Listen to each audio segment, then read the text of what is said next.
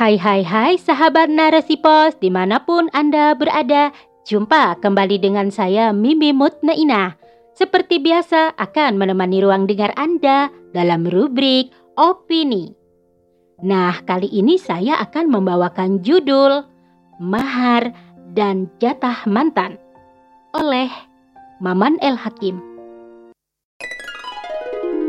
Ikuti selengkapnya di podcast Narasi Pos narasipos.com, cerdas dalam literasi media, bijak menangkap peristiwa kunci. Syatakyuddin An-Nabani dalam kitabnya Nizam al-Ijtima'i fi al-Islam menjelaskan perihal mahar atau mas kawin dalam pandangan Islam. Disebutkan pada bab pernikahan bahwa mahar sebagai kewajiban seorang pria atau suami terhadap wanita atau istrinya.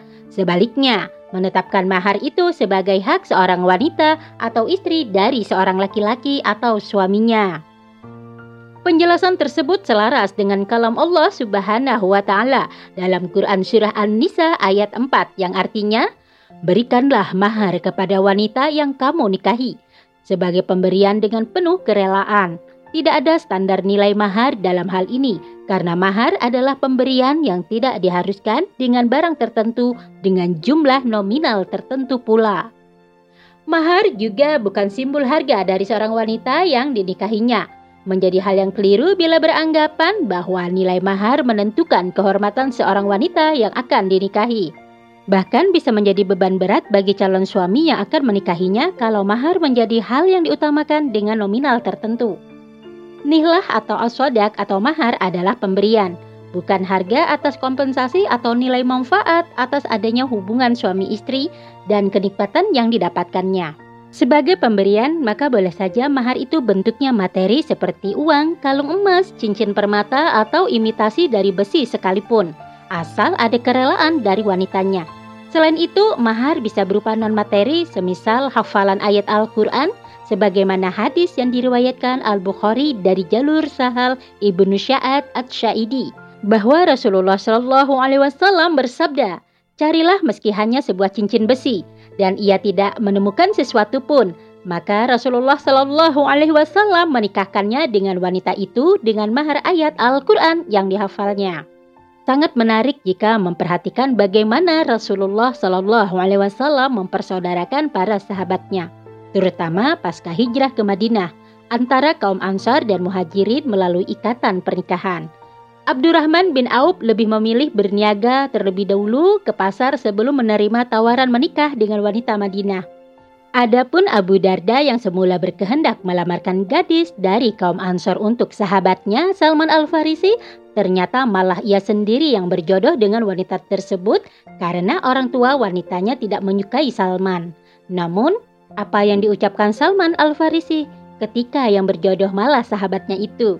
Ia berkata, harusnya akulah yang merasa lebih malu karena hendak meminangnya, padahal Allah Subhanahu wa taala telah menakdirkan wanita tersebut untukmu. Sungguh mengagumkan proses perjodohan dari para sahabat pada masa Rasulullah Shallallahu alaihi wasallam karena tidak ditemukan mantan yang menjadi duri dalam pernikahan. Sebaliknya, dalam sistem kapitalisme seperti sekarang ini, jodoh seakan terasa sulit dan rumit. Tidak mudah dan murah, apalagi untuk mencari berkah dari pernikahan. Mereka yang telat menikah bukan berarti tidak ada jodohnya, melainkan telah melewati masa idealnya untuk menikah. Tujuan menikah adalah untuk melanjutkan keturunan, sedangkan wanita sangat rentan dan beresiko tinggi untuk melahirkan jika usianya sudah tidak muda lagi.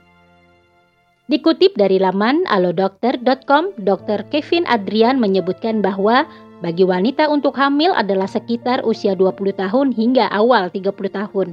Ketika wanita memasuki usia 35 tahun, tingkat kesuburan atau fertilitas umumnya menurun, sehingga memengaruhi jumlah dan kualitas sel telur yang diproduksi.